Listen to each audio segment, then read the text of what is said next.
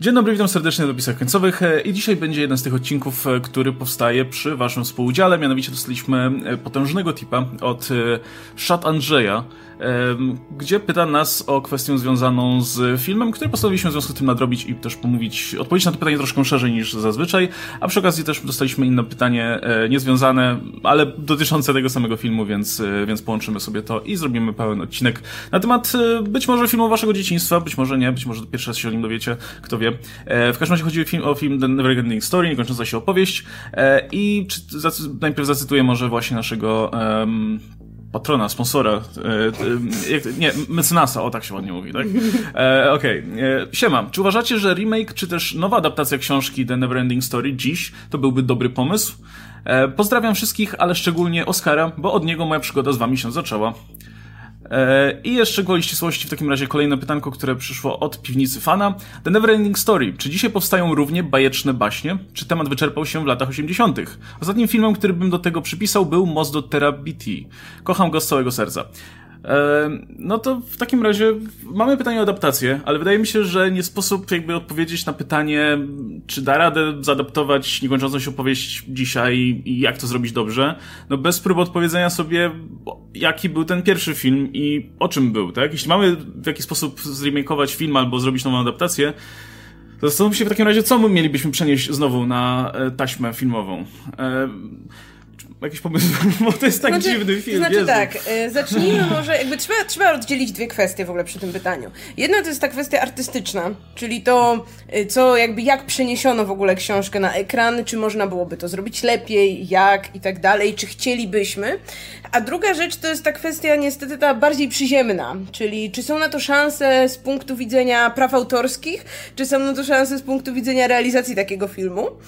I wydaje mi się, że łatwiej będzie zacząć od drugiej części, która trochę nam też może opowiedzieć o tym, jak ten film w ogóle powstał. Co tu się w ogóle zadziało, że, że, że otrzymaliśmy w sobie taki trochę fenomen kulturowy, którego później nie powtórzono, nawet w sequelach tego filmu. Szczególnie w sequelach e, tego filmu.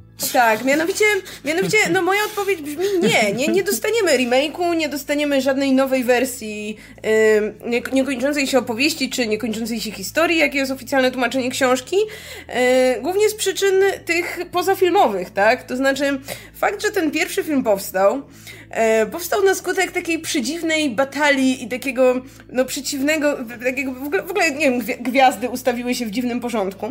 Mianowicie, no, aut, autor powieści, Michael Ende, sprzedał prawa do ekranizacji tej powieści bardzo szybko po tym, jak ona w ogóle okazała się przebojem. On napisał, znaczy ona okazała się w 79 roku i momentalnie jakby, no, stała się ogromnym hitem na, na rynku tutaj niemieckojęzycznym i on dosyć szybko sprzedał prawa do ekranizacji tej powieści a że jakby ta jego, fan, jakby jego wyobraźnia, to co jakby zostało tam opisane, no okazało się, że to nie tak łatwo oddać te wszystkie dziwności i tę nicość i, i wszystko to, o czym pisał na taśmie filmowej, więc y, no tutaj dosyć szybko pojawiła się opcja, że to będzie ekranizacja międzynarodowa w języku angielskim, co prawda realizowana przez niemiec, niemieckiego reżysera Wolfganga Petersena, to był wówczas jego pierwszy film anglojęzyczny, no ale w każdym razie stwierdzono, dobra, jakby w Niemczech tego nie sprzedamy, nie zarobimy tyle, żeby nam się zwróciły w ogóle koszta tutaj produkcji, produkcji, więc musimy z tego zrobić międzynarodowy hit. No i za tym poszło oczywiście już wiele, wiele innych tych decyzji e, artystyczno-producenckich powiedzmy, czyli stwierdzono, dobra, to robimy pół książki,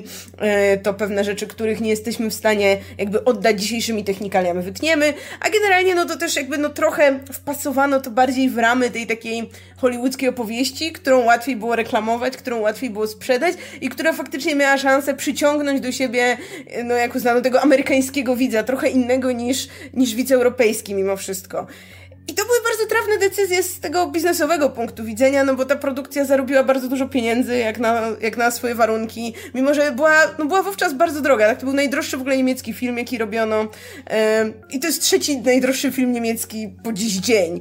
E, i, I niestety autor się bardzo obraził. Autor się bardzo obraził na to, co zrobiono z jego książką, e, na to, że... Czy dwójkę widział i trójkę? E, widział, znaczy widział dwójkę na pewno i wolał dwójkę od jedynki. Jakby autor książki, e, jakby, jako wiecie, jako człowiek, jako odbiorca kultury, no miał inny gust niż powiedzmy ten, ten, ten mainstream, więc, więc on generalnie tego pierwszego filmu nienawidził. Chciał zablokować w ogóle w jakimś momencie jakby możliwość, żeby ten film w ogóle miał gdzieś tam jego nazwisko, żeby miał tytuł odwołujący się do jego książki, przegrał.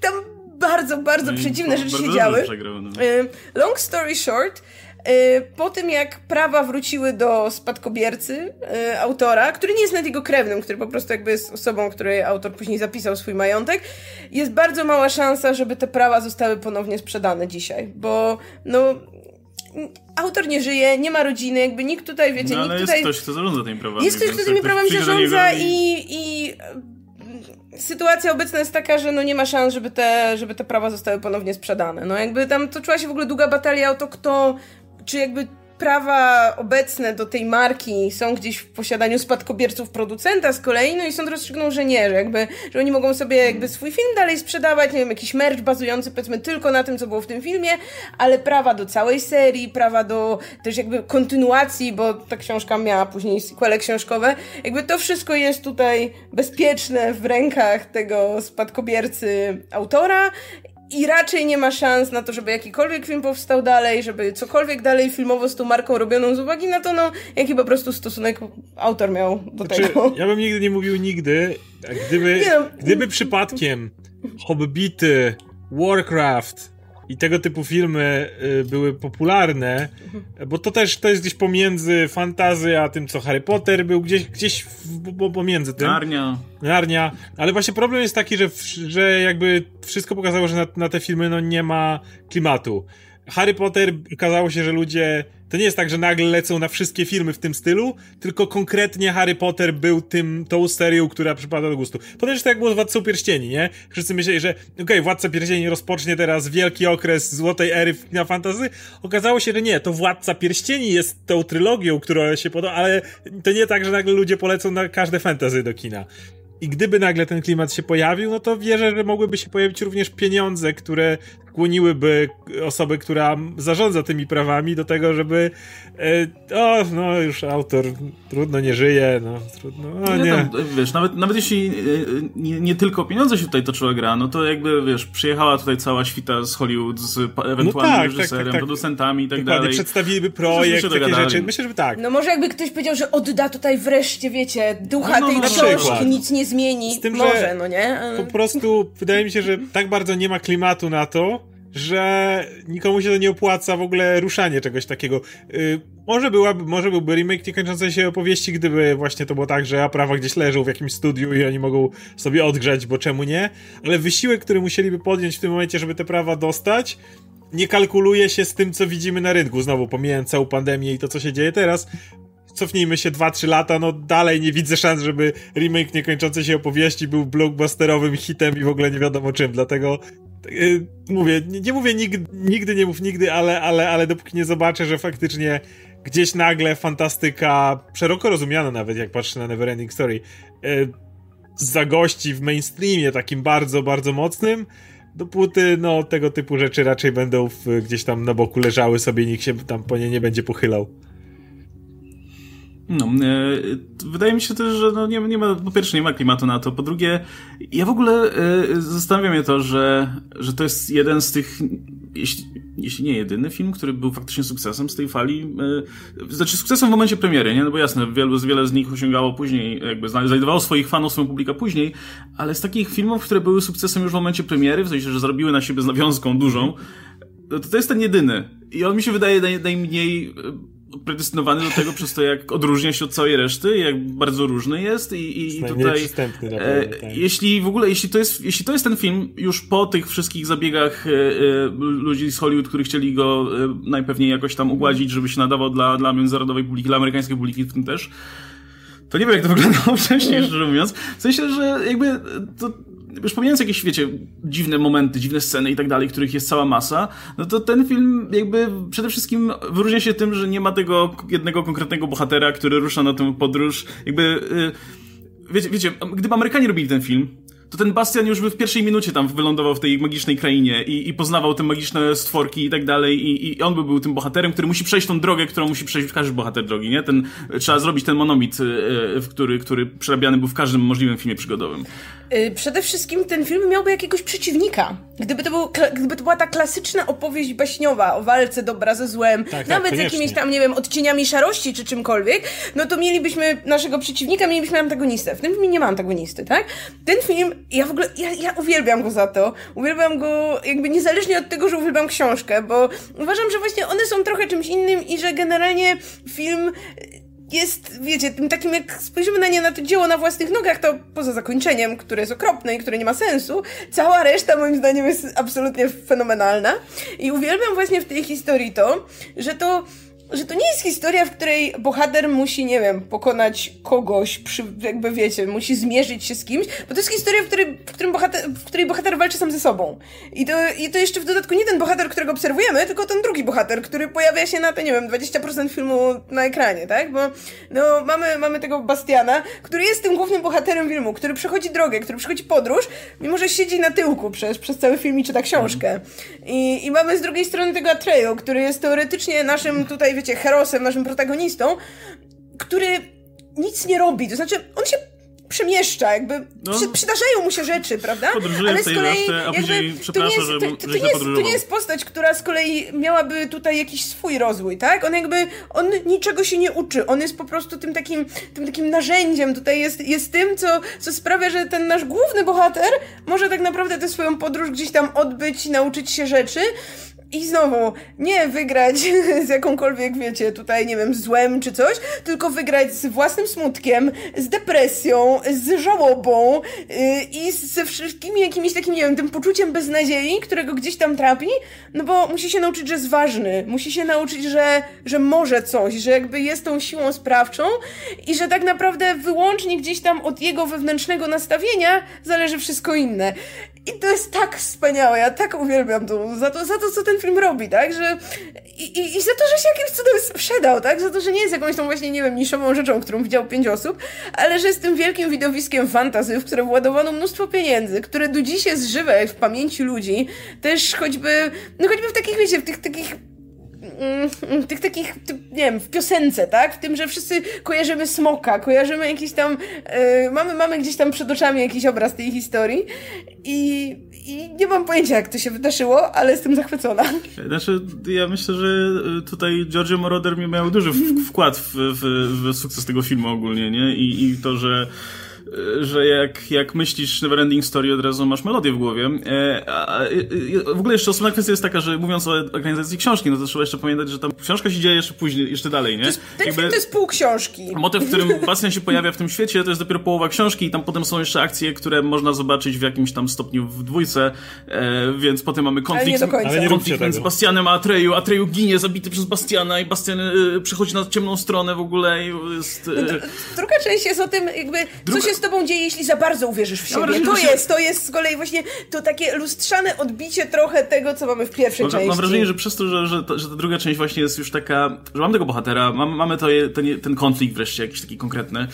Ta dwójka się wydaje bardziej przystępna i strawna i, i podejrzewam, że gdyby, gdyby ekranizować to dzisiaj, to by trzeba po prostu tą pierwszą część jakby tak pominąć najbardziej i się skupić na tym, co się dzieje później w tej drugiej części. Bo pomijając kwestię tego, że... Tam że... jest wielka bitwa, gdzie siły jednego chłopca z siłami no, no drugiego no, no. chłopca toczą wielką walkę. Tam, tam jest potencjał na, wiesz, wielką tak, i... scenę batalistyczną nawet, nie? No, Gdyby ktoś chciał to dzisiaj robić. Widzieliśmy tę dwójkę i pomijając to, że to po prostu był kiepski film, był kiepsko nagrany, zagrany, kiepsko napisany i tak dalej e, i, i realizacyjnie też, też kulał mocno, to jakby fabuła jest taka do, do, rzeczy, no po prostu, no masz tego bohatera, on jest, on jest tutaj, on jest manipulowany przez, przez głównego wylana tego filmu, bo wreszcie jest, jakby ta, tam jest, y, nie pustka, tam jest y, tam jest emptiness, tam emptiness. jest pustka. Pustka, tylko w innym sensie i ona jest uosobiona, więc mamy, mamy złą panią, które, której, które może uosabiać bycie tutaj, e, e, e bycie, by, złą siłę w tej w okolicy.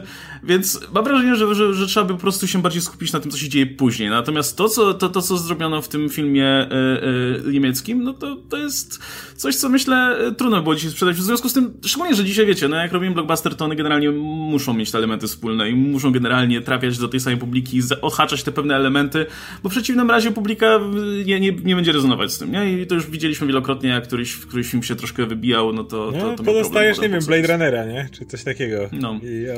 Ale nawet, wiesz, dostajesz, nie wiem, filmy, te filmy Del Toro, nie? Jakiś Pacific no Rim albo coś takiego. Dostajesz, nie wiem, Mad Maxa. E, I to są filmy, które miały duże kampanie, będące dużymi markami, ale wciąż zarobiły mniej pewnie niż studia by chciały, no w związku z tym, że tak. no, nie były tym takim Wiele z nich się krytycznie świetnie przyjęło, krytycy usiedli, no. fantastyczny film i w ogóle, a potem okazało się, że nikt na niego nie poszedł i w topo finansowe.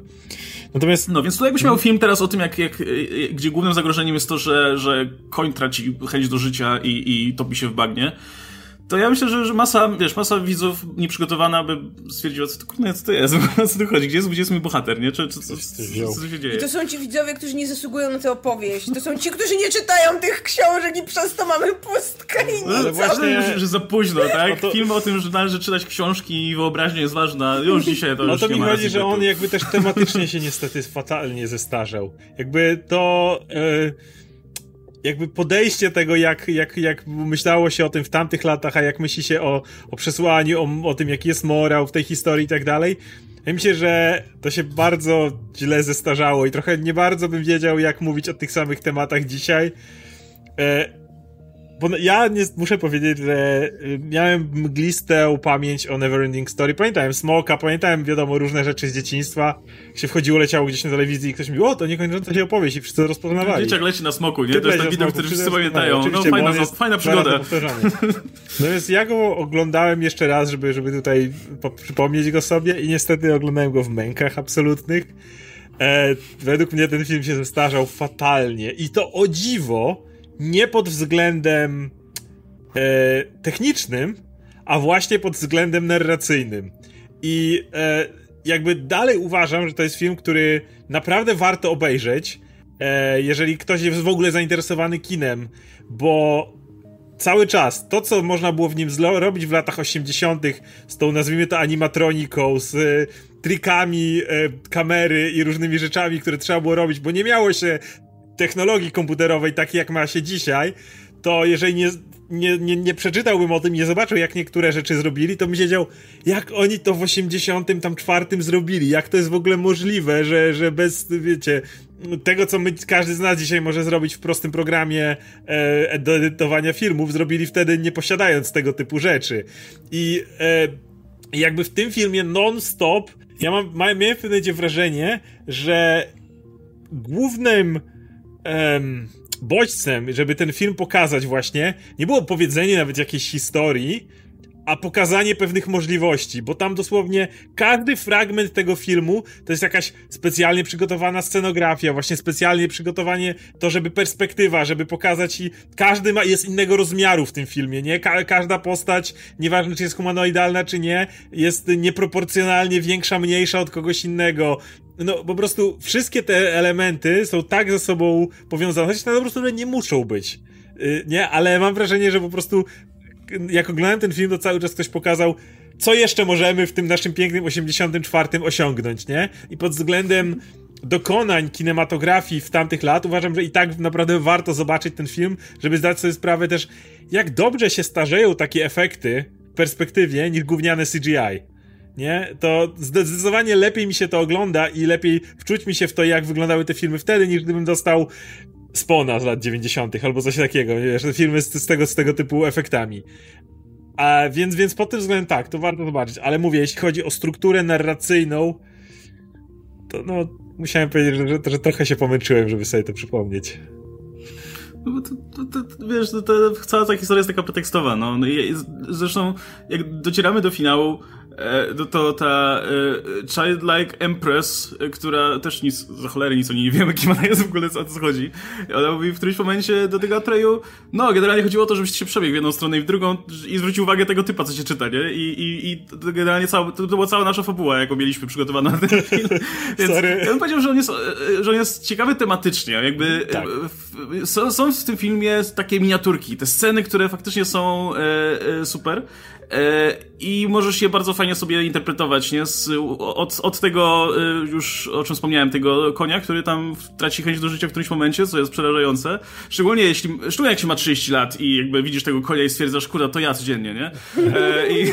W tym bagnie, które nie ma, ja, ja, w tym bezkresnym bagnie, ja, prawda? Że gdzie dopowi... spojrzysz, to po horyzont nie ma nic innego. Ja sobie wtedy dopowiadałem tylko to, że on wcale tak nie lubi tego Atreju, że po prostu tam, tam była kosa od początku i on go tak ciągał wszędzie i tak już w pewnym momencie stwierdził, że już kurde, stary, ale ja mam dosyć ciebie, naprawdę, już, już idziemy, już już szedłem, bo, bo, bo jeszcze mi było cię szkoda, ale teraz mam dosyć, bo to wiesz, bo to ja, koń traci ja, ja chęć miałem... do życia, a nie, a nie chłopak, więc mam wrażenie, że po prostu może on nie był najlepszym dla niego panem, może to on tak mówił, że go kocha, tak naprawdę to tam, wiesz, picz, a nie marchewka, nie wiem. Ja chcę powiedzieć, że w książce koń mówi, więc... Yy to nie tak.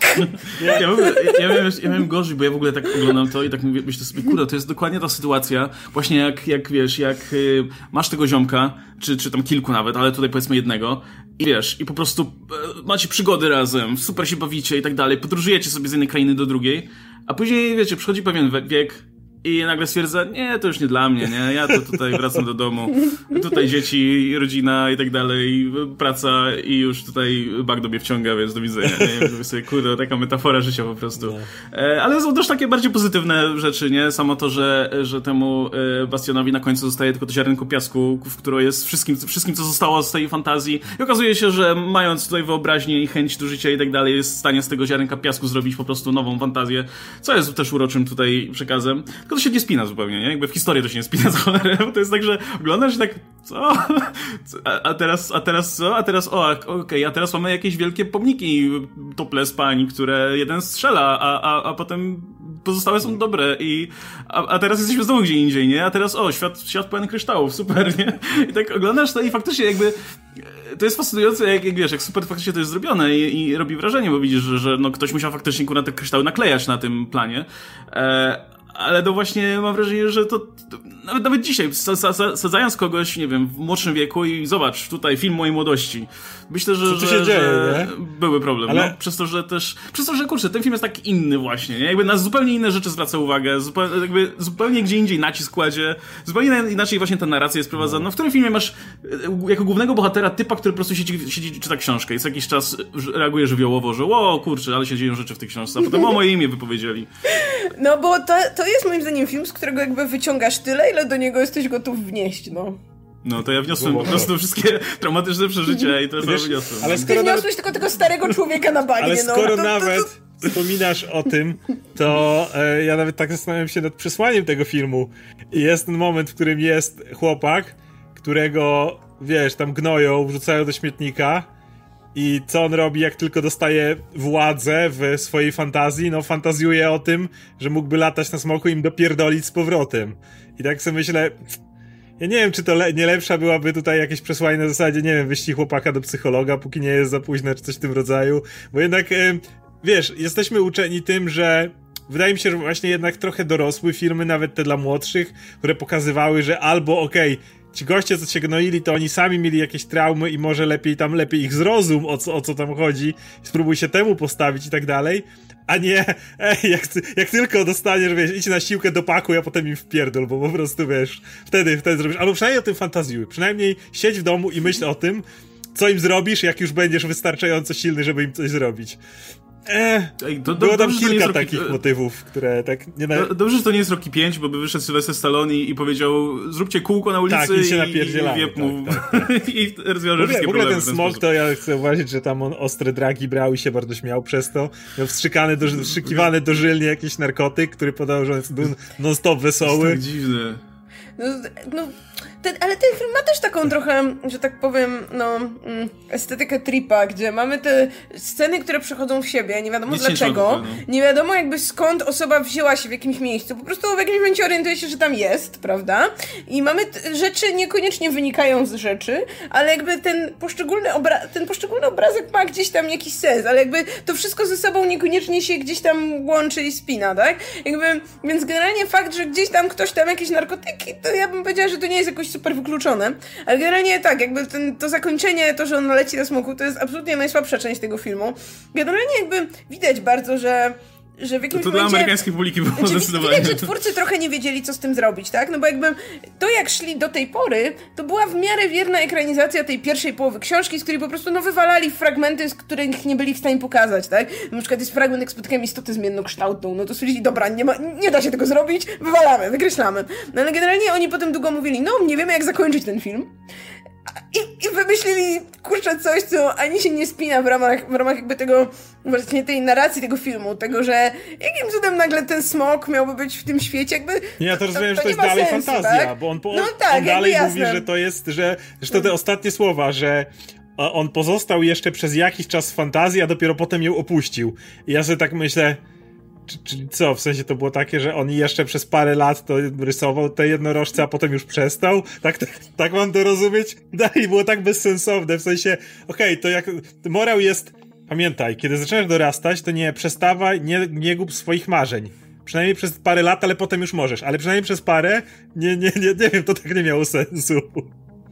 No właśnie tam ewidentnie brakuje czegoś. Na przykład wiesz, to, że tam sceną otwierającą jest to, jak on siedzi w domu i jest próba pokazania tego, jak bardzo on nie ma relacji z ojcem, tak? Jak bardzo też w domyśle przez tę śmierć matki oni nie są się w stanie teraz ze sobą porozumieć. Na przykład to w ogóle nie wraca, tak? A jakby no, z punktu widzenia, nie wiem, jakiejś konstrukcji filmu, konstrukcji tej konkretnej fabuły, to powinno wrócić, tak? Powinno być moim zdaniem jednak jakieś, nie wiem, pokazanie tego, że to, czego on się dowiedział o sobie, czytając tę książkę, ty, czy to, jak go tam, nie wiem, wzbogaciło, sprawia, że oni na przykład są teraz w stanie bardziej się porozumieć. Jakby, no ewidentnie, no masz, ewidentnie że... twórcy filmu po prostu no, no, nie wiedzieli, co z tym zrobić, stwierdzili, dobra, to robimy cokolwiek, to niech pogoni tych chłopaków do śmietnika, no nie? No super, to świetny morał. I, I to nie ma jakby, a to jakby z kolei można było powiedzieć właśnie o tym, można było jakby spróbować przedstawić to, co właśnie robi autor w drugiej części, czyli mówi, a co się dzieje, jak zaczynasz nadużywać tej władzy, tak? Co się dzieje, jeśli właśnie wydaje ci się, że nagle z powodu tego, że, nie wiem, właśnie masz jakąś tę moc sprawczą, to zaczynasz przekraczać jakieś swoje uprawnienia, albo właśnie już, już jakby ta wiara w siebie jest doprowadzona do tej granicy, kiedy no po prostu woda sodowa uderza ci do głowy. No tylko, że ten film z kolei no, w ogóle nie jest o tym, jakby w ogóle nie ciągnie też tego dalej, więc no, tutaj no, ta scena nie ma sensu po prostu. Dlatego no. właśnie myślę, że ta druga, druga część, ta druga część historii byłaby bardziej odpowiednia na, wiesz, na taki spójny ark y, tutaj, wątek dla, dla tego bohatera. No bo tak to masz, masz w tym filmie mówione, szczególnie pod koniec, ustami tutaj tej właśnie cesarzowej i, i wszystkich dookoła, no, że ty możesz wszystko tutaj, jesteś taki ważny, nie? Musisz uwierzyć w to, że jesteś bardzo ważny i w ogóle. E, a później nie ma tego payoffu zupełnie, nie? Bo yeah. widzimy go jak w sumie siedzi dalej w tym świecie fantazji, a nawet jeśli nie siedzi w świecie fantazji, to się dzieje w prawdziwym świecie jakimś cudem, to, to i tak na jedno wychodzi, nie? Jakby w sensie nie, nie przeniósł tego, czego się dowiedział tam, na to, co, yy, na tą swoją sytuację, w jakiej, jak, jakiej był przed startem tej całej historii. Gdzie, no, to byłoby, myślę, sensowną klamrą, nie? Że uwierzył w siebie w jakiś sposób, albo uwierzył w swoją wartość i teraz nie daje się już zamknąć w koszu tak. e, i, i, czy coś w tym guście. Ale nie a wiem, nie, że pomaga, pomaga i napierdalam po prostu. Wiesz, i chcę, żeby inni też to zrobili, nie wiem, ale nie idzie ich napierdzielać, czy coś takiego. Ale też chcę powiedzieć jeszcze jedną rzecz, że zaletą remake'u może byłoby to, że braliby aktorów, którzy umieją grać, bo niektóre, na przykład akt, aktor młody, który gra Atreyu, to powiedzieli mu jedną rzecz. Pamiętaj, każdą linijkę tekstu masz wykrzyczeć.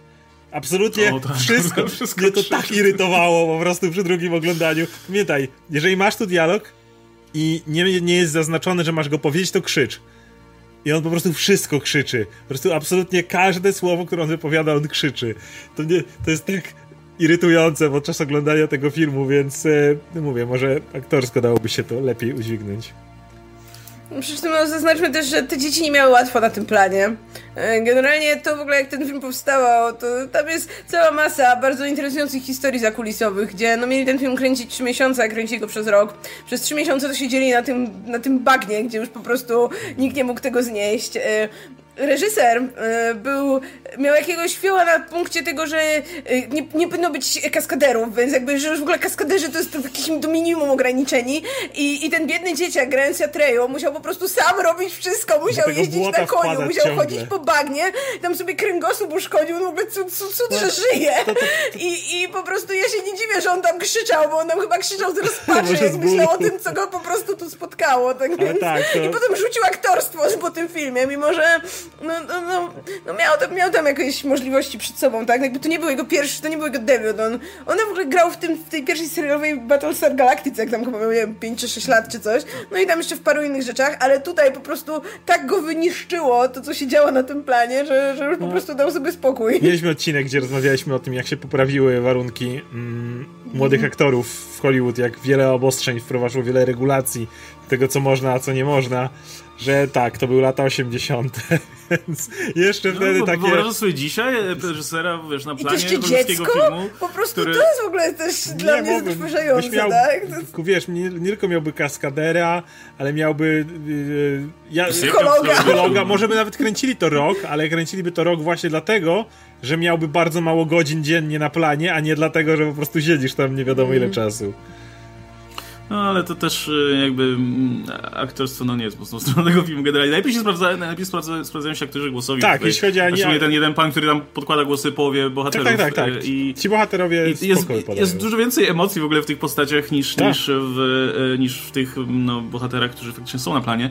Ale y, jeszcze a propos właśnie, a propos tych wszystkich postaci fantastycznych, one mają bardzo fajne designy, więc wydaje mhm. mi się, że już tak pod kątem remake'u patrząc, wiadomo, że to wszystko byłoby dzisiaj w CGI, ale nawet gdyby to było CGI, mam wrażenie, że i tak, gdyby zachować tutaj charakter tego, jak te postacie wyglądają, no, i tak by się wyróżniały, nie? I tak to nie byłby typowy smok, to i tak nie mm. byłby typowy, nie wiem, golem, ani nic takiego, tylko faktycznie postacie, które no, mają jakiś tam swój charakter. I, i pod tym względem polecam też obejrzeć sequela, bo pod każdym kolejnym sequelem jest coraz gorzej pod tym względem, więc docenia się też tą jedynkę. Część to jakby nawet mają te same rekwizyty, prawda? Tylko, że, no nie wiem, nagle odpadła im połowa osób do animowania tego, czy co, albo już, nie wiem, przeleżały w szafie. Niektóre właśnie za długo przeleżały zależały, nie stać na nowe i niestety trzeba korzystać z tego, co się ma. No ale to jest to, o czym mówiłem na początku, że właśnie dlatego warto zobaczyć ten film, żeby zobaczyć jakby co można było osiągnąć za pomocą praktycznych efektów yy, i, i bawienia się nie wiem, perspektywą czy czymś takim w, w tamtych latach. I design to jest na pewno mocna strona, bo tak jak mówiłem, tu wszystko wygląda inaczej. Po prostu każdy element otoczenia, każdy stworek, każda istota, wszystko ma swój unikalny, niepowtarzalny wygląd. I, dla, i, i, tak, i, i, tak jak też powiedziałeś, najlepiej wypadają też aktorzy głosowi. Jak ten kamienny typ siedzi i mówi, że on nie mógł utrzymać ich i, i siedzi i teraz czeka, aż go pochłonie to nic coś, to jest jedna z tych, której myślisz, o, przykro mi. A jak ten typ, wiesz, biega ten młody i krzyczy na wszystkich, to ja myślę, zamknij się, no. Przez, przestań krzyczeć, już mnie irytujesz. No właśnie super jest to, że te elementy są tak kompletnie z różnych kluczy, z różnych mhm. bajek, no. tak? Mam wrażenie, że to jest obok, nie wiem, Alicji w Krainie Czarów, ta druga opowieść, która po prostu aż kipi tą taką swoją właśnie dziwnością. Jest ta, uwielbiam tę scenę, jak oni się wszyscy zbierają e, właśnie w tej wieży z kości słoniowej, e, czekając na przybycie Atreju i tam po prostu każda postać, tak. na którą się nie spojrzy, to jest jakieś kurna wyjęte z czyjejś bardzo chorej wyobraźni, jakieś wielkie kamienne jakieś, głowy, tak. jakaś dżownica, jakiś człowiek grzyb, po prostu i każda ta postać to jest tak naprawdę no typ w jakimś kostiumie, nie? Ale tak, i on tam jest, nie wiem, przez minutę, nie? Tak, ale po prostu jak, jak zacząć, nie wiem, na stopklatce się temu przyglądać, to jest wow, to jest fenomenalne i choćby właśnie pod względem tej, tej właśnie tej takiej dziwności, tego, że nic tutaj nie jest jakieś takie normalne. Jakby, wiecie, najnormalniej w tym filmie wygląda ten Atreyu, który wygląda, no, jak taki trochę wybielony Indianin. W książce miał zieloną twarz i niebieskie włosy jeszcze do tego, więc w ogóle jakby to i tak najnormalniejszy element tutaj, ten, który został, ten, który sobie trochę dopasowali. Nawet właśnie a propos Alicji Kraniczarów, to przypomina mi to spotkanie na samym początku tych trzech postaci, to trochę jak przy tym stole kapelusznika. Masz, tak. ma, masz te, te, trzy osoby, nie? Mhm. Masz typa, który jeździ na wielkim, nie wiem, motorze, masz typa, który jeździ na ślimaku i typa, który lata na nietoperzu i jeszcze każdy wygląda inaczej. To o to chodzi, że musisz pokazać, że wszyscy są inni. Że tutaj nie ma w ogóle jakiejkolwiek jednorodności wszystko, Zasady. wszystko musi się różnić, nie? I, to, I też, tak jak powiedziałem, celowo bawili się tym, żeby każdy był innych rozmiarów. Był ten gigant, ten typ na nietoperzu, ale on też miał zupełnie inne proporcje od tego typa, co na ślimaku jeździł, nie? To nie było po prostu uznali, dobra, ucharakteryzujmy tych dwóch aktorów i ustawmy ich jeden obok drugiego. Nie, nie, nie, zróbmy perspektywą, się pobawmy. Ten ma wyglądać na cały czas znacznie większego od tamtego. I jeszcze jest ten nietoperz, który chyba jest moją ulubioną postacią, bo jak się pojawił nietoperz na środku ekranu, to e, pamiętam entuzjastyczną reakcję. Czy ja lubię to, że ten nietoperz śpi w pracy, nie? To jest takie... ja, w ogóle jest właśnie masa takich właśnie pojedynczych, dziwnych momentów. By, no, no, nie sposób mówić o tym filmie właśnie nie wymieniając po prostu takich, takich rzeczy, których nie musiałoby tu być, które po prostu są tutaj, bo są i, i nawet yy, na dobrą sprawę, no można by się bez nich obyć, bo czasami są problematyczne mam wrażenie. Nie wiem, masz, masz tam parę gnomów na przykład, która w ogóle jest w jakiejś dziwnej, patologicznej, toksycznej relacji ze sobą. Masz, I... masz tego żółwia nihilistę, którego już nic nie obchodzi, no, nie? No jebane w ogóle no. i proszę, proszę odejść, ja jestem zmęczony. E, I, i, albo masz, albo w ogóle jest ten cały finał przecież, gdzie e, ta e, cesarzowa mówi, że no, musisz mi nadać imię. I on nadaje imię Moonchild. I wiesz, bo tak miała na imię jego mama, która najprawdopodobniej jest owocem miłości jakichś hipisów. Musi być, e... nie ma innej opcji. To były naprawdę I, szalone wiem, lata 70. Ale no, to, że to jest w ogóle, muszę dać imię e, Childlike Empress i nazwę Moonchild i w ogóle, w ogóle jej prestiż myślę nie wzrośnie w, w okolicy tutaj. E, i, i, i, w zasadzie można tak wymieniać i wymieniać i w zasadzie każda kolejna rzecz jest, jest dziwniejsza od drugiej. I ja to doceniam. Jakby to, to jest ten taki właśnie film, który możesz go lubić, możesz go nie lubić, ale, ale zapamiętasz mhm. mimo wszystko, nie? I i mam wrażenie, że gdyby to przepuścić przez y, właśnie jakąś wysokobudżetową maszynkę dzisiaj, to, to wiele by z tego nie zostało mimo wszystko. Bo no, trzeba by to troszkę, troszkę uśrednić, powiedzmy, jeśli chcemy, żeby faktycznie tłum ludzi poszedł do, do, do kina na, na coś takiego. Też, no, mimo wszystko technologia poszła do przodu i yy, kin, jakby sytuacja, sytuacja branży wygląda dzisiaj inaczej. Nie ma miejsca dzisiaj na eksperymenty za bardzo, nie? A, to nie robiłoby też właśnie... takiego wrażenia, bo jednak widziałeś całą masę już yy, fantastycznych istot. I yy, no i po prostu to, że w latach 80. coś takiego osiągnęli, wow. Y, dzisiaj na tle, na tle właśnie nawet, kurde, już zaraz będziemy dobijać dwudziestolecie od pierwszego Władcy Pierścieni, ale nawet na tle Władcy Pierścieni już te wiele rzeczy, których dzisiaj byś przedstawił, nie wyglądałyby tak super, nie? Tych projektów...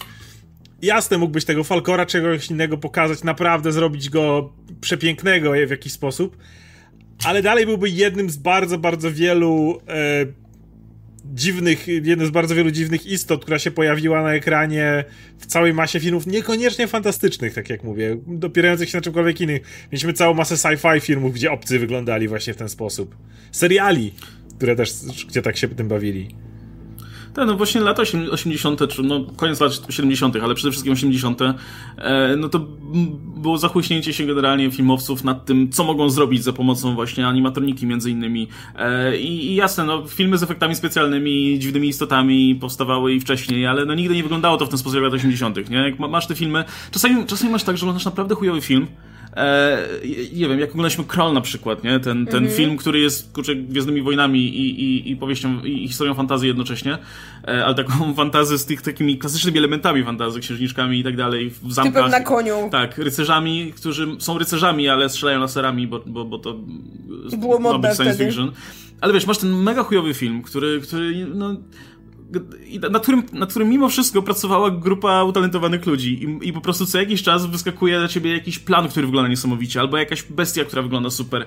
I, i mam wrażenie, że, że no nigdy nie było chyba takiej epoki pod tym względem, jak, jak właśnie lata 80., gdzie można po prostu wyławiać perełki po prostu e, tak. z, z, każdej strony, nie? I, I ten film się w to wpisywał, po prostu można było robić wtedy nowe rzeczy, których jeszcze nikt wcześniej nie zrobił, ani nikt wcześniej nie wymyślił, wymyślić, można było wymyślać nowe techniki w ogóle, wiesz, e, jeśli chodzi o efekty specjalne. No, no dzisiaj... To Willow, nie? Gdzie mamy ten pierwszy efekt też komputerowy z kolei dodany, A, na przykład tak, pomieszany, jakby złączony z tymi efektami Czy... y, tutaj praktycznymi, nie? Wydaje mi się, że gdyby nie to właśnie jak wielkie było zachłyśnięcie w latach 80. nad animatroniką, nigdy nie dostalibyśmy ta, tak pamiętliwego Parku Jurajskiego pierwszego który był, wydaje mi się, takim, taką kulminacją, można powiedzieć, tego, co osiągnięto przez te lata, ale Spielberg tego nie wyciągnął z tyłka, tylko to jednak była właśnie technologia, którą po kolei na tej całej masie wielu nie najlepszych filmach, ale cały czas ją poprawiano mimo wszystko. Tak jak mówimy, scenariuszowo, aktorsko te filmy e, miały różny poziom, ale tutaj cały czas dopieszczano to, żeby pysk tego potwora się ruszał odpowiednio, żeby oczy, wiesz, i, i wydaje mi się, że jak Park Jurajski to są lata 90. i wszyscy pamiętają ten moment, tak niekończąca historia była też dużym krokiem milowym właśnie w latach jeszcze 80. pod względem tego, co można było osiągnąć tą technologią no prawie dekadę wcześniej. Zabawne, że przywołujesz tutaj Spielberga, właśnie jest ta grupa twórców, która jakimś cudem gdzieś jakby tak orbitowała dookoła tych filmów. I nawet jeśli przy konkretnym filmie, no nie do końca cokolwiek robili, to gdzieś tam to ich nazwisko się przewija. I nazwisko Spielberga przewija się, kiedy mówimy właśnie o niekończącej się opowieści, bo on był jakby był był kolegą Petersena i oni sobie konsultowali rzeczy, gdzie Spielberg no, konsultował mu, czy po angielsku te, te rzeczy mają sens, tak? Między, w międzyczasie Spielberg już pracował gdzieś tam nad listą Schindlera i z kolei Petersen mu konsultował niemieckie rzeczy. I e, ponoć po dziś dzień w posiadaniu Spielberga jest ten oryginalny Orion, ten, ten naszyjnik z Uroborosem e, z filmu, tak więc na pewno, no nie zdziwię się, jeśli na pewno jakby mógł sobie właśnie, nie wiem, czy, czy, czy mieć jakiś związek z tym, jak te, jak te kukiełki się ruszały, czy mógł Tylko... tam coś podpatrzeć, czy mógł, nie wiem, dostać, dostać telefon, ej, ci ludzie robią dobre rzeczy, czy cokolwiek, bo, bo to wszystko gdzieś tam ci, ci ludzie się mieszali, tak? Właśnie Spielberg, Lucas i tak dalej. Proszę, żeby Spielberg nie, jeżeli jakby się pojawiły prawa, żeby to nie Spielberg robił e, remake niekończącej się opowieści, okej? Okay? Jakby to byłoby... Niech, niech, niech produkuje po prostu. Niech produkuje, tak, ale, ale, ale niech nie reżyseruje. Okej, okay, tak tylko. Mówię, bo byśmy dostali jeden do jednego pewnie jakąś przebitkę tego, co było, tylko z nowymi efektami. Ja nie wiem, jedyna, jedyna opcja zakońcowania tego dzisiaj to właśnie po prostu taki po prostu e, oniryczny, dziwny film, który nie będzie wcale e, nie, aspirował do bycia, bycia familijną produkcją dla całej rodziny, tylko będzie właśnie czymś takim dziwnym, nie? I, mhm. i, i to tak jakby tyle. E, nie, nie, sądzę, żeby dał radę z tego zrobić po prostu, wiecie, ten... Generalnie, wiecie, teraz jak obejrzeliśmy ten film, to e, myślę, że e, moglibyśmy mieć na jakimś poziomie opory przed nazywaniem go taką familijną produkcją dla całej rodziny i tak dalej, bo tu jest tyle mrocznych elementów, właśnie, właśnie te, te ten, ten temat depresji i, i, i rezygnacji w ogóle z... Żałoby. Narkotyków. żałoby, śmierci i tak dalej. Narkotyki, no dokładnie. Tak, to, to są wszystko rzeczy, które, które no, zyskują nowe życie tutaj, no wiadomo, jak się je ogląda troszkę w, w, bardziej tutaj w, w wyższym wieku, ale ale jednocześnie cały czas się wspomina ten, ten film jako tę fajną przygodę fantazy tutaj z latamy no, na smoku bo białym. Wspominasz tę końcówkę, gdzie wiesz, gdzie, gdzie nie wiem, Bastian leci na, na falkorze i tam krzyczy jej, i tam tła się zmieniają i, i, w tle leci limal, nie? I jest fajnie. A, a wiesz... I to jest, mam wrażenie, najlepsza metafora w ogóle życia, bo, bo, bo ten, masz ten film, który jest właśnie pełen tych mrocznych, niepokojących motywów, nad którym możesz siedzieć i po prostu myśleć e, i, i wcale nie czuć się dobrze po tym, a koniec końców i tak pamiętasz tą końcówkę, jak tam leci sobie na tym smoku i myślisz sobie, no fajnie fajnie było w sumie. Jak, jak, no właśnie, może, może właśnie jak w życiu, tak? No. Że, że, że są te smutne momenty, ale koniec końców bardziej gdzieś tam zostają z tobą te wesołe, no nie wiem. Chociaż, chociaż myślę, że jest liczna grupa osób, którą jednak gdzieś tam straumatyzował na resztę życia e, koń tonący na bagnie. E, odezwijcie się, dajcie znać, jak sobie radzicie. No, ale jakby, wiecie, jakby z tego można moim zdaniem jakby jeszcze trochę powyciągać też, nie wiem, też no i z książki, i z filmu, tak, gdzie właśnie, nie wiem, mamy ten, te, te wątki takiej tej cykliczności na przykład, yy, gdzie, gdzie, no to, to zwłaszcza w książce widać, gdzie dochodzimy do momentu, jak historia, od, jakby, która jest na początku w książce, nagle od środka pojawia się jeszcze raz, zaczyna iść jeszcze raz, jakby, jakby, no nie wiem, to są, to są jakieś takie, takie bardzo metafizyczne rzeczy, jakaś ta taka, nie wiem, to właśnie taka rekurencja, to takie, no, wszystko, co już, wszystko, wszystko, co jest, to już kiedyś było i tak dalej. Nie wiem, w Battlestar Galactica na przykład jest też eksplorowany ten motyw. E, jeśli widzieliście, to pewnie będziecie wiedzieć, o, o, co mi tutaj dokładniej chodzi. Albo, no nie wiem, właśnie te, jakieś takie, te takie kosmiczne kwestie, że właśnie, nie wiem, z tego ziarnka piasku wszystko powstaje, że, nie, nie wiem, że jeśli o czymś pomyślisz, to to istnieje. No to, to są no, no, takie... Grant się, no dokładnie, się to, jakby ja to wszystko widzę w tej historii i to jest jeden z tych powodów, dla którego ją tak uwielbiam. Jakby bardzo możliwe, że to jest oczywiście gdzieś tam, nie wiem, moja interpretacja. Autor nigdy do końca nie sprecyzował, o co mu chodziło, ale mm, wydaje mi się, że bardzo wiele różnych rzeczy można sobie gdzieś tam wyczytać, czy, czy no nie wiem, sprawiają, jakieś elementy książki, czy elementy filmu sprawiają, że o czymś tam sobie człowiek zacznie myśleć. I ja strasznie lubię takie rzeczy. Takie rzeczy, ja o nich mówię, że one są po trochu wszystkim.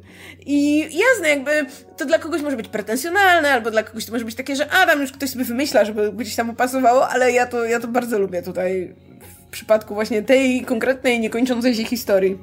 No, te, te, te Morrisonowe motywy są tutaj tak bardzo widoczne. Jak... Jest ten motyw, kiedy, kiedy ta, ta e, Epres mówi, że no, że tutaj y, y, jest ten Bastian, on czyta twoją historię, i inni czytają jego, jego historię. historię nie? oglądają go. Tak, jak, jak czytasz książkę, to wiesz, jak to działa? To, to, to tak, ty jesteś no Bastianem nagle, nie? To jest, to jest dokładnie ten model, że o, rzeczywistość jest jak komiks, czy tam książka, którą możesz czytać i przewracać stronę i tak dalej, bo jesteś jakby poziom wyżej nad tym, co, co czytasz, nie? Ale kto wie, może nad nami też jest ktoś poziom wyżej, który może czytać nas w ten sposób i na przykład może w jakiś sposób my mamy w głowach tak, odbicie tak, tutaj tych wyższych jeszcze istot, nie? Natychmiast mam Morrisonowego jest... Animalmana, kiedy on się, kiedy Grant Morrison spotyka się ze swoim bohaterem w komiksie, nie? Czy coś w tym rodzaju, więc tak jest to miałem. No ja miałem, mam wrażenie, że autor mógł nie sprecyzować, bo pomiędzy jak to u Alana Mura było, pomiędzy rozmową z Buddą i Jezusem podczas narady wspólnej, e, wieczornej, to mógł nie pamiętać już dokładnie, jaki był, wiesz, e, wydźwięk tego, ale warto było to zapisać. Jest, jest, jakaś, jest taka ciekawa interpretacja, którą gdzieś tam mi mignęła, nie wczytywałam się już jakoś dokładnie na niemieckiej Wikipedii, że o tym, że, mm, że Europa w tym momencie i generalnie ludzie nie mieli trochę jakichś takich, nie wiem, swoich wartości, którymi się kierowali w tym momencie, więc ta książka jest trochę o takim tworzeniu sobie na nowo właśnie jakichś takich rzeczy, które będą, które będą dla nas tak uniwersalnie ważne na przykład, o jakichś takich bardziej już w ogóle jakichś takich, wiecie, war wartościach ogólnoludzkich, nie? Gdzie to, no to jest coś, na co bym nie wpadła, ale no faktycznie, może, czemu nie? Bardziej do Korei Południowej by mi pasowało, no ale... No, ale to, to jest do, trochę domena też e, takich dzieł, które są bardzo...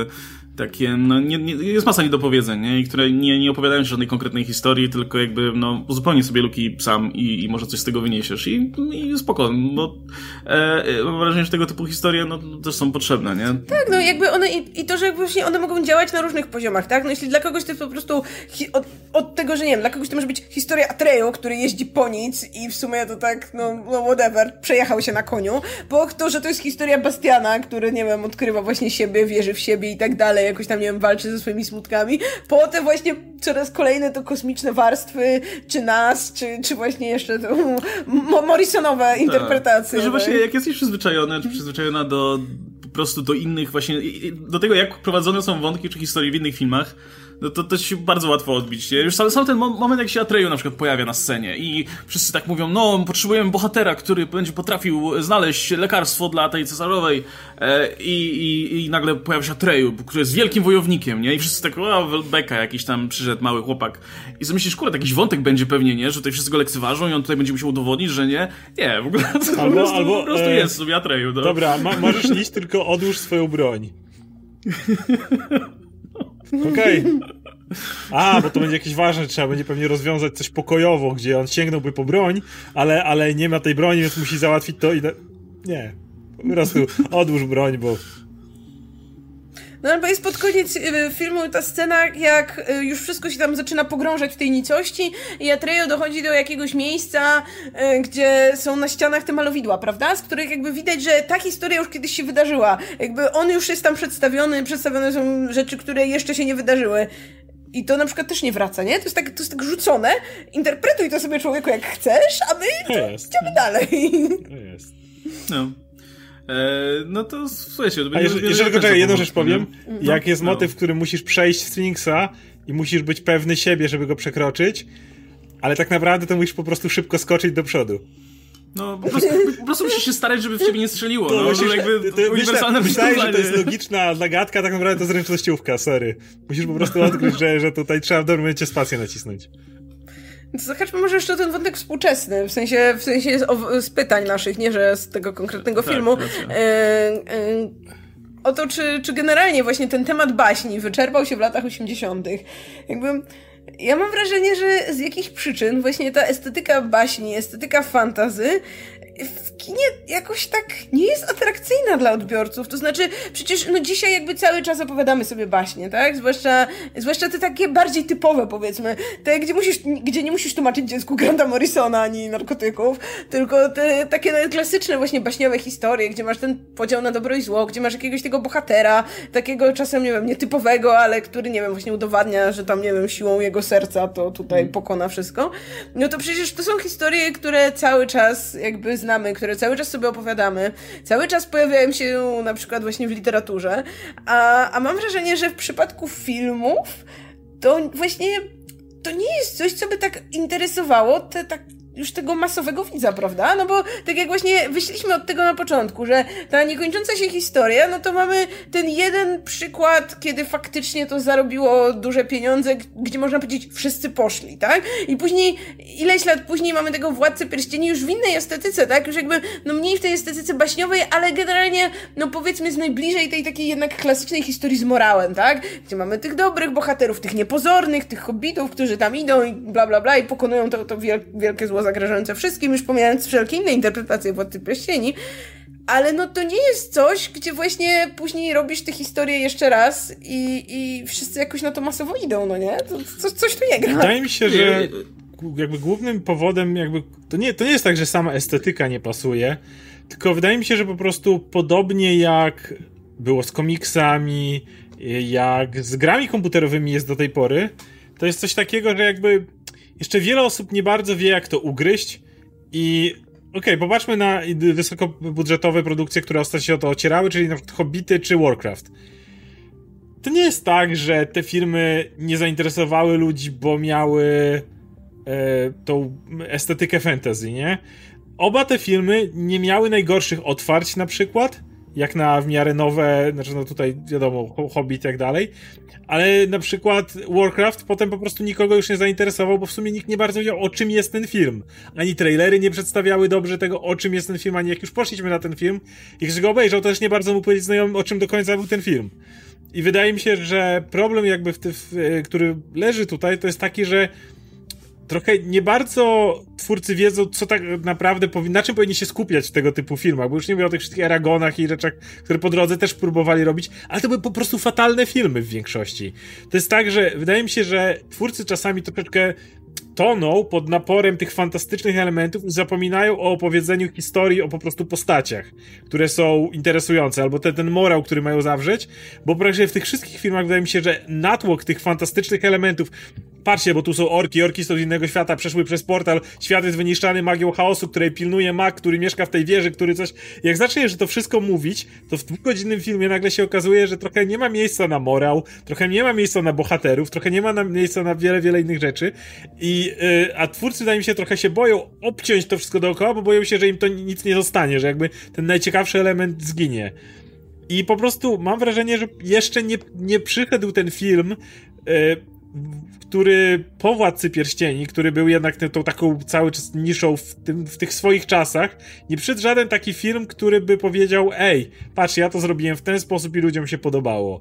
E, uważam, że to jest dalej wykonalne, tylko po prostu jeszcze nikt się za to nie wziął, za wiele ludzi jakby tonęło w tym plus, no nie robili tego zwykle najlepsi twórcy też bardzo często. Był wypalony Peter Jackson nawet, który po Władcy Pierścieni już po prostu chciał umrzeć na planie Hobbita, nie?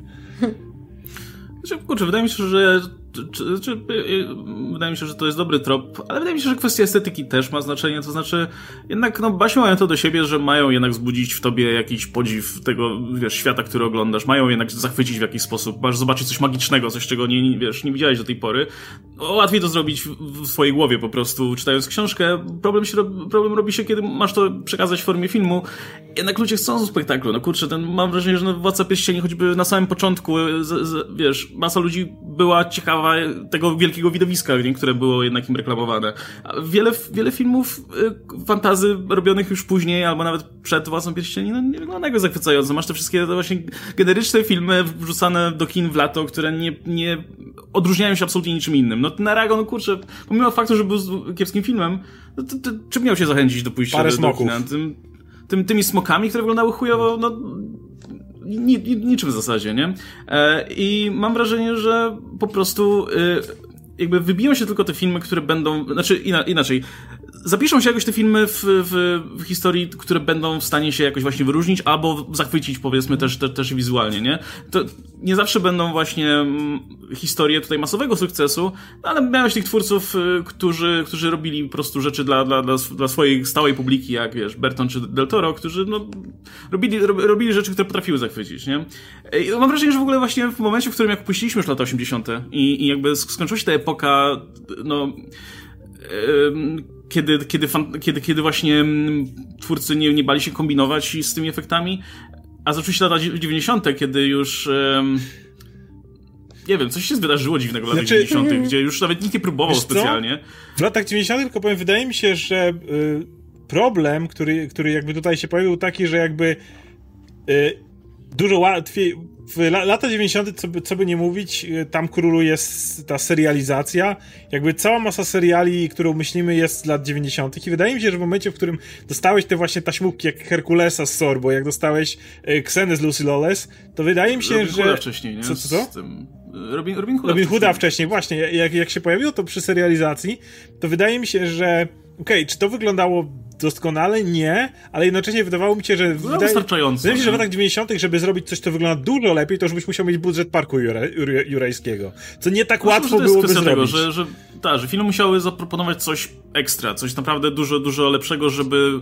Dokładnie. E, że- żeby, żebyś widział różnicę nie? między tym a produkcją telewizyjną. I, i mam wrażenie, że właśnie A nie Władca wie- nie zaprezentował coś ekstra, coś, czego w telewizji byś nie zobaczył do czasu Gry o Tron, nie? Tak, dokładnie. A właśnie do tej pory mia- miałeś jak jakakolwiek fantastyka, no to no, okej, mogłeś wystawić tych gości z mieczami czy coś takiego, ale nie mogłeś sobie pozwolić na jakieś smoki, które wyglądały naprawdę dobrze. Mogłeś, wiesz, co najwyżej robić to w dosyć okrojonym budżecie, no a to z kolei seriale już potrafiły wyrzucić. Więc znowu nie mogłeś się w żaden sposób odróżnić i W latach 90. miałeś za to na przykład kino katastroficzne, nie? Bo technologia poszła w, Tak. najwyraźniej w tym kierunku, że dużo lepiej prezentowały się tego typu filmy. Czy, czy nawet y, y, te filmy zahaczające science fiction, nie? Z Dniem, z Dniem Niepodległości i tak dalej. Mhm. A, a no właśnie kino fantazy zostało trochę na tym etapie, gdzie tanio było po prostu zrobić kino fantazy, bo wystarczyło dać, rozdać statystom miecze i tak, no i pa, parę się, nie? kostiumów No przecież- i, i pojechać na tak, bo my, my tutaj mówimy, my tutaj, my wspominamy tutaj o tych chwalebnych przypadkach oczywiście, o tych filmach, które tam jakoś się wyróżniały, ale przecież w latach 80. powstała cała masa tego szrotu fantazy po prostu, I tych on- wszystkich i filmów. super się go dziś ogląda i właśnie powiem wam, że nie wiem, gdzieś mi trochę brakuje tego, żeby, żeby dzisiaj ktoś zrobił, nie wiem, No, trolla. oglądaliśmy The Stalkera na przykład 2, który był kurczę super, a był tak mega tani po prostu, że, że te zamki wyglądały jak takie po prostu z papieru z- z- zlepione. No miało swój urok, nie? Ale właśnie była masa tej taśmówki i, i to się faktycznie to, się- to się potem po prostu przyniosło do telewizji i, i widzowie mieli to samo w telewizji, więc, więc szukali czegoś ekstra. I no i dzisiaj też trudno jest konkurować mimo wszystko, mam wrażenie, fantastyce. No, widzieliśmy już wszystko. No właśnie była gra o Więc- Tron, która była też takim, takim, wiesz, wyskokiem. Teraz jest ten Wiedźmin, który gdzieś też, wiesz, i w tę stronę, ale to znowu są seriale, prawda? I na dobrą sprawę, jeżeli ktoś chciałby ci pokazać film, to pokaż mi w filmie coś, czego nie było, czego nie mam w telewizji, czego nie mam w seriali. Okej, jasne, mój smok będzie wyglądał dużo lepiej niż smok, który był w Wiedźminie. Nie, wcale nie tak dużo lepiej niż smoki z gry o Tron, bo one w niektórych e, odcinkach wyglądały już naprawdę tak, że ja nie spodziewam się lepszego efektu w kinie. Ale to właśnie jest kolejny powód, okej, no to masz te smoki, no to co mi pokażesz w kinie takiego, co, czego, czego nie miałem w telewizji? No, ciężko, naprawdę ciężko. A jak z kolei ktoś poszedłby za mocno w jakieś, nie wiem, magów, co napierdalają jakimiś kulami ognia czy coś takiego, zwykle robi się bełkot z tego po prostu filmowy i, i jakby nic z niego nie ma. Zawsze z, tą, z magią jest ten problem, że jak z nią przegniesz, no to w sumie to dlaczego ten mag nie mógł otworzyć portalu, żebyś przebiegł tam i wrzucił ten pierścień do góry czy coś tam? No ja nie ukrywam, że mnie najbardziej brakuje właśnie tych takich albo tego takiego już tan- taniego fantazy, gdzie po prostu mm, no właśnie można, możemy to wyprodukować niższym kosztem i po prostu e, puszczać gdzieś tam, nie wiem, nawet do telewizji, tak?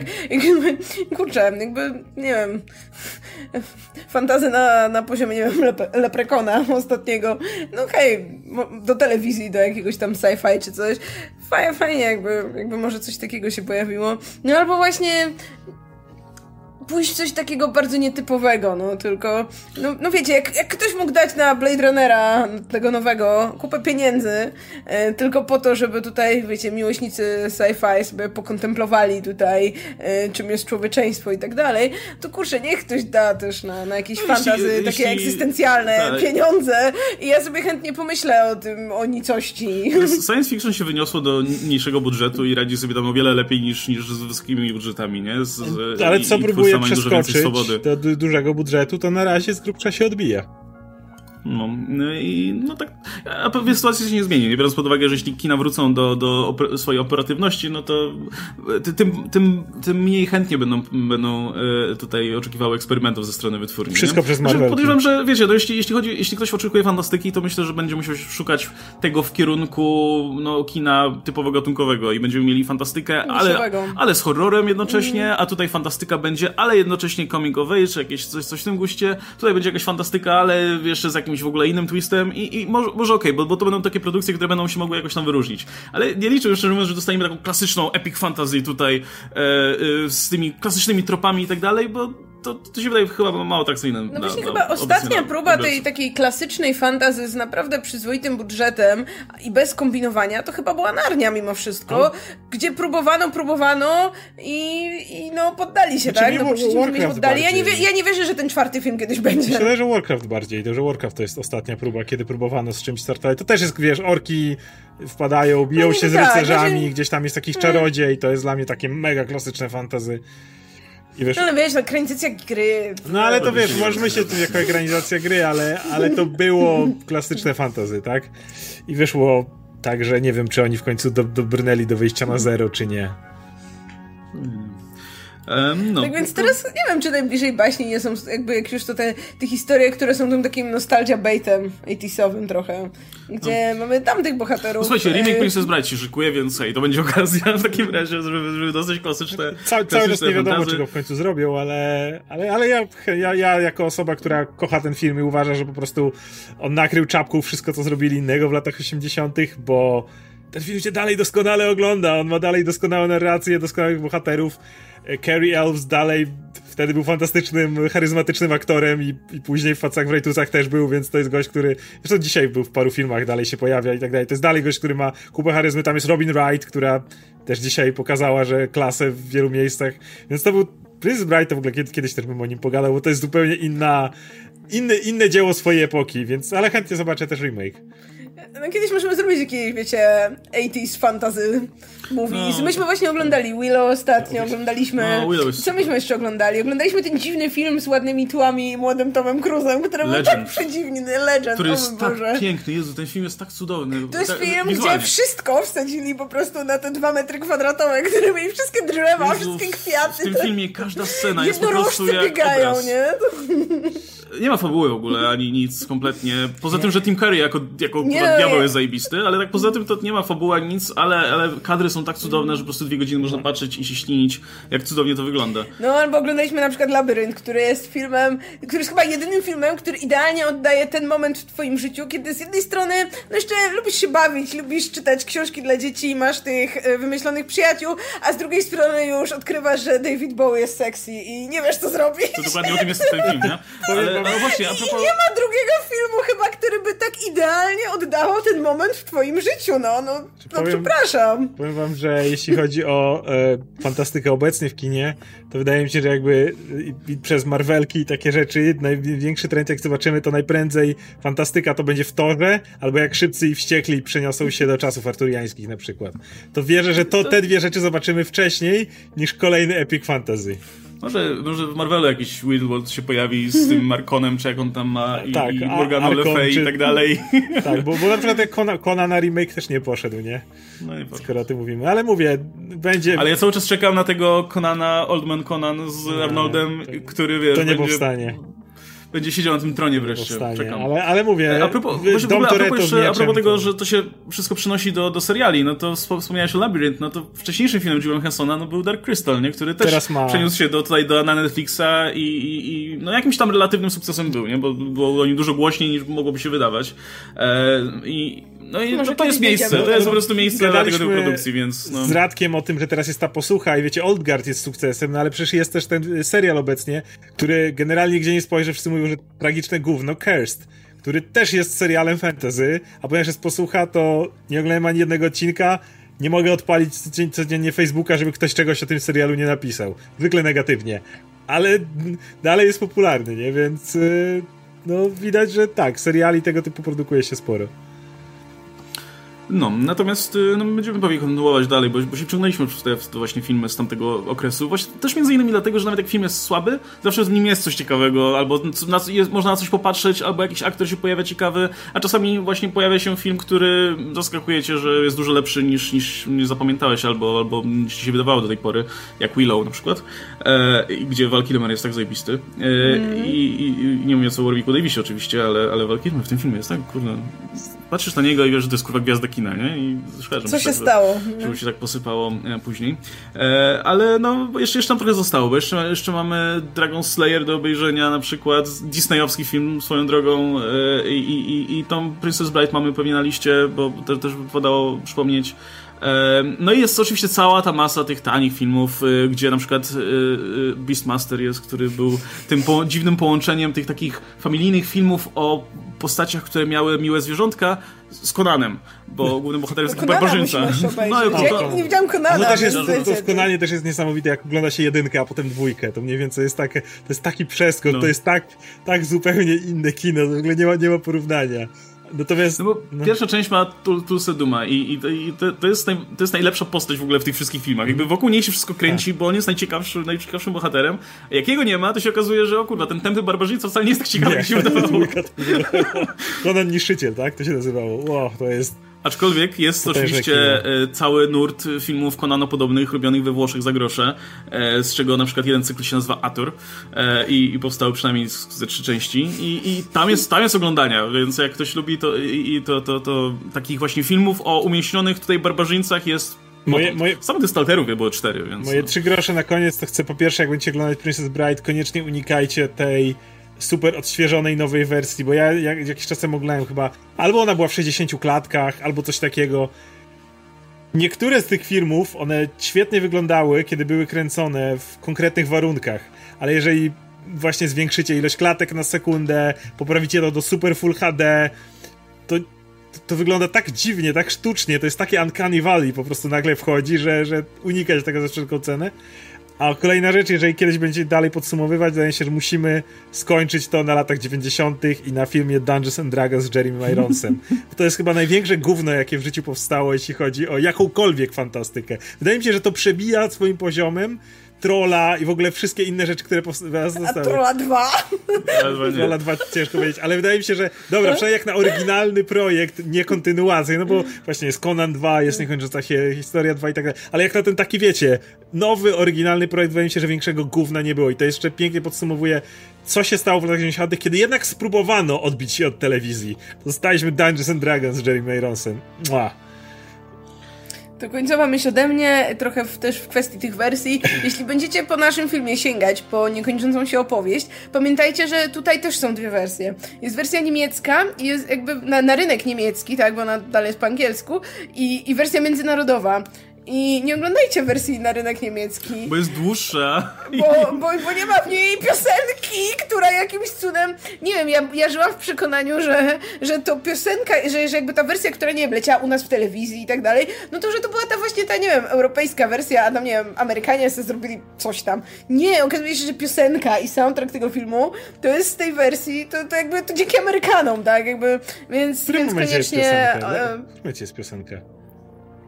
W finale jest piosenka. I, no, Jak leci. W wersji tej amerykańskiej już nawet na, na, na napisach początkowych leci, leci piosenka. I generalnie są te motywy muzyczne. Czyli odświeżałem, genera... czyli odświeżałem sobie wersję niemiecką ostatnio. E, tak, wersja niemiecka ma tylko ten taki klasyczny tak. soundtrack pisany na orkiestrę to, przez niemieckiego kompozytora. Tak, obejrzałeś nie a, tylko a, wers wersję bez sound lepszego soundtracku, bo, bo, bo soundtrack wersji tak, Ameryka amerykańskiej... Amerykanie wzięli pana Morodera tak? tak, tak I, I on napisał te wstawki na syntezatora. Czyli tak? masz tą masę takich syntezatorów syntezatorów, które świetnie pasują do tego, plus obejrzałeś wersję, która jest kurwa dłuższa i się wlecze po prostu jak... No, kurde, umierałem trochę, ale, ale, ale to... Nie no, wiesz, piosenkę tą y, główną Limala, to, to wiadomo, że się zna na pamięć, ale... No i jej nie ma w niemieckiej wersji tego filmu. W ogóle, ale czekaj, nie, nie, nie, czekaj, ja ją miałem na, w napisach końcowych.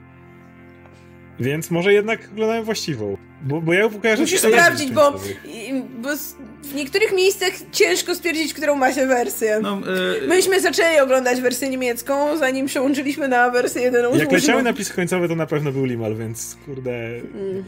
One się też różnią tym, że na początku na wersji niemieckiej masz napisy na czarnym tle, tak? Taki, A w wersji amerykańskiej masz, tle, masz po prostu już ładne krajobrazy. Jak, jak masz takie efekciarskie napisy początkowe z animacjami and shit i, i muzyczką okay. w tle, to, to, to jest ta wersja amerykańska.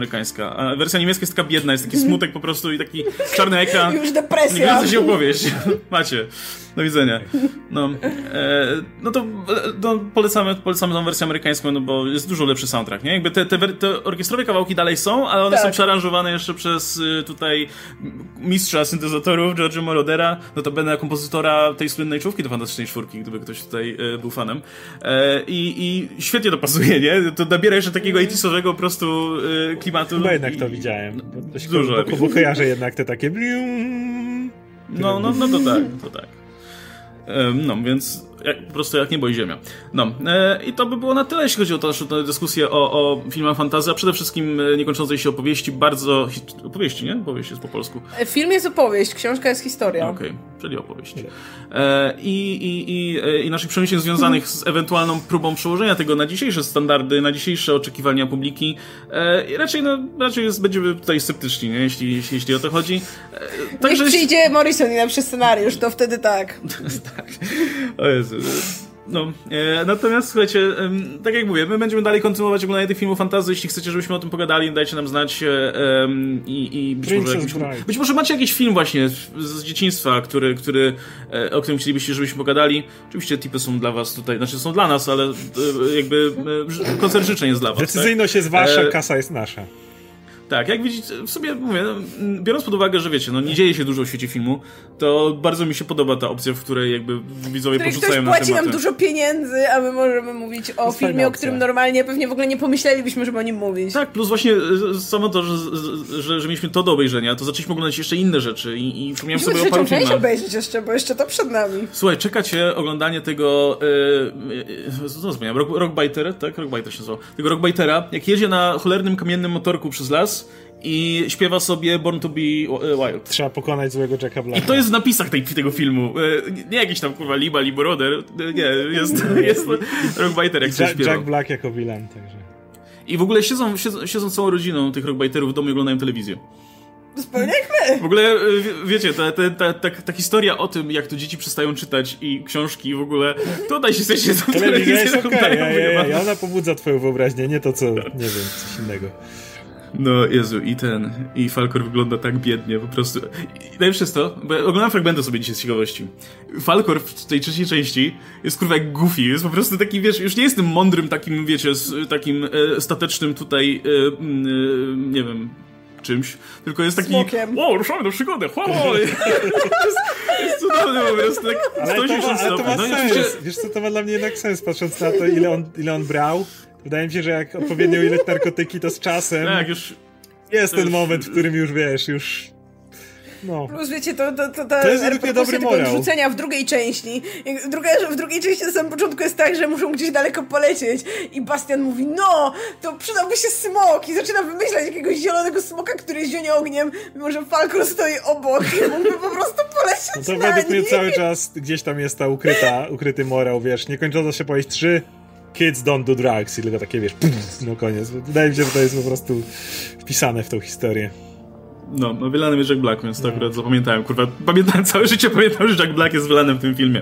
E, no, ale może będzie okazja jeszcze o tym, o tym kiedy pomówić, bo te filmy też są ciekawe, są bardzo ciekawe. Wpisują się w ten nurt tych, tych takich te, ten drugi nurt, jeśli chodzi o te lata 80. Aż, aż, aż troszkę wstyd mimo wszystko. E, no dobra, słuchajcie, na tym będziemy kończyć. E, zachęcamy, jak, tak jak wspominałem, do, do zadawania nam pytań lub proponowania tematów za pomocą tipów e, lub ewentualnie superchatu, bo to pewnie też pójdzie być może jako superchat, znaczy jako premiera. a była z nami Marta Najman, Oskar Rogowski, ja się nazywam Łukasz Stelmach. Do zobaczenia w kolejnych odcinkach napisów końcowych. Trzymajcie się. Cześć.